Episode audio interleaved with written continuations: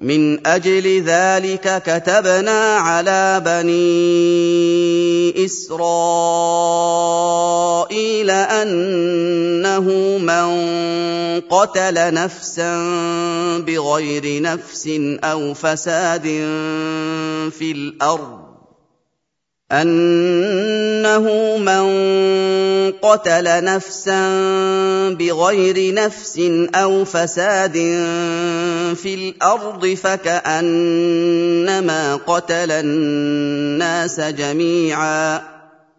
فكأنما قتل الناس جميعا ومن أحياها فكأنما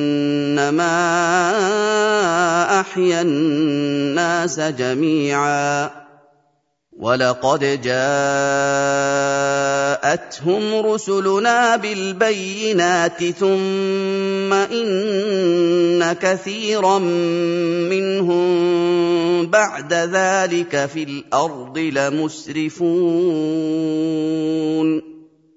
Karena pembunuhan yang dilakukan oleh Qabil terhadap saudaranya, kami memberitahu Bani Israel bahwa barang siapa membunuh satu jiwa tanpa alasan yang benar berupa kisos atau perusakan di muka bumi dengan kekafiran atau menantang Allah dan Rasulnya, maka seolah-olah dia membunuh semua manusia.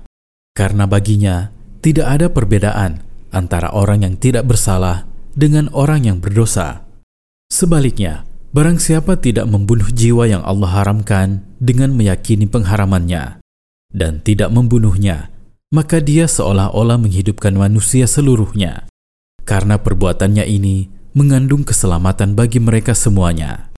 Sungguh, rasul-rasul kami telah datang kepada Bani Israel dengan membawa hujah-hujah yang terang dan bukti-bukti yang nyata. Sekalipun demikian, kebanyakan dari mereka tetap melanggar batasan-batasan Allah dengan melakukan kemaksiatan-kemaksiatan dan penyelisihan terhadap para rasulnya. إنما جزاء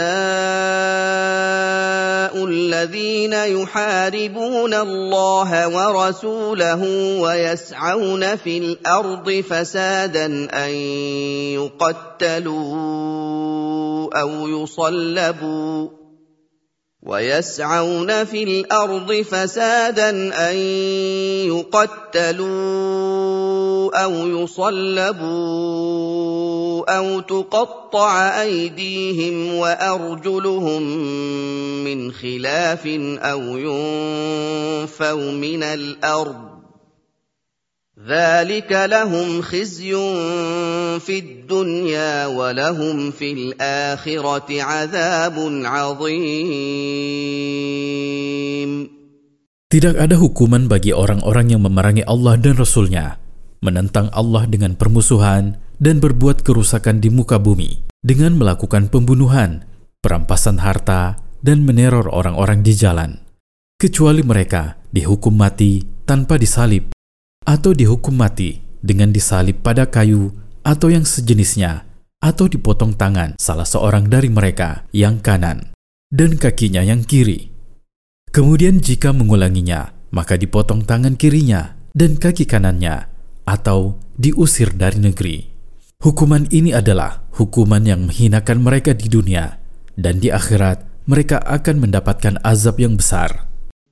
الا الذين تابوا من قبل ان تقدروا عليهم فاعلموا ان الله غفور رحيم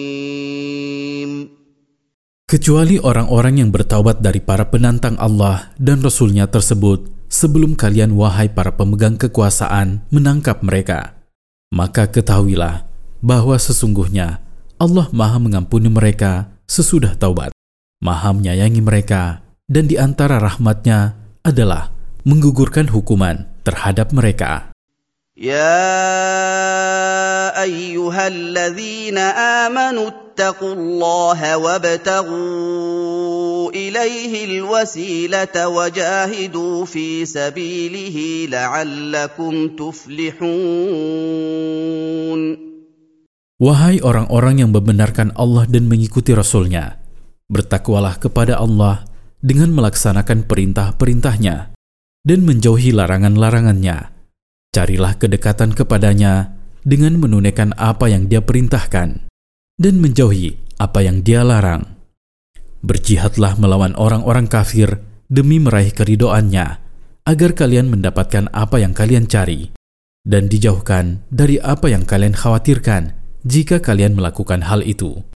ان الذين كفروا لو ان لهم ما في الأرض جميعا ومثله معه ليفتدوا به من عذاب يوم القيامه ما تقبل منهم ليفتدوا به من عذاب يوم القيامة ما تقبل منهم ولهم عذاب أليم Sesungguhnya, orang-orang yang kafir kepada Allah dan para Rasulnya, seandainya seseorang dari mereka memiliki harta sepenuh jagat raya, ditambah dengan satu jagat raya lagi, lalu mereka menggunakannya untuk menebus diri mereka dari azab Allah pada hari kiamat, niscaya itu tidak akan diterima dan mereka akan mendapatkan azab yang menyakitkan. Faidah dari ayat-ayat di atas. Pertama, disyariatkannya menguburkan mayit dan ia adalah sunnah yang Allah Ta'ala ajarkan kepada Bani Adam.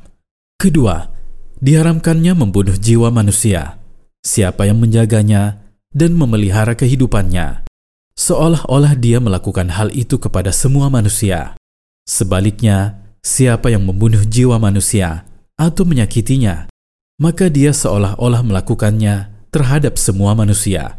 Hukuman bagi orang-orang yang memerangi Allah dan Rasul-Nya, yang membuat kerusakan di bumi dengan melakukan pembunuhan, perampokan, dan pembegalan adalah hukuman mati tanpa salib atau dengan salib, atau pemotongan tangan dan kaki selang-seling, atau pengusiran dari negeri menurut jenis kejahatan yang mereka lakukan. Keempat, taubat para perusak dari kalangan para penentang Allah dan Rasul-Nya dan pembegal sebelum mereka ditangkap menghasilkan maaf untuk mereka. Kelima, penegasan atas ditolaknya tebusan pada hari kiamat, sekalipun tebusan tersebut adalah harta sepenuh jagat raya dari siapa yang berhak mendapatkan azab neraka jahanam.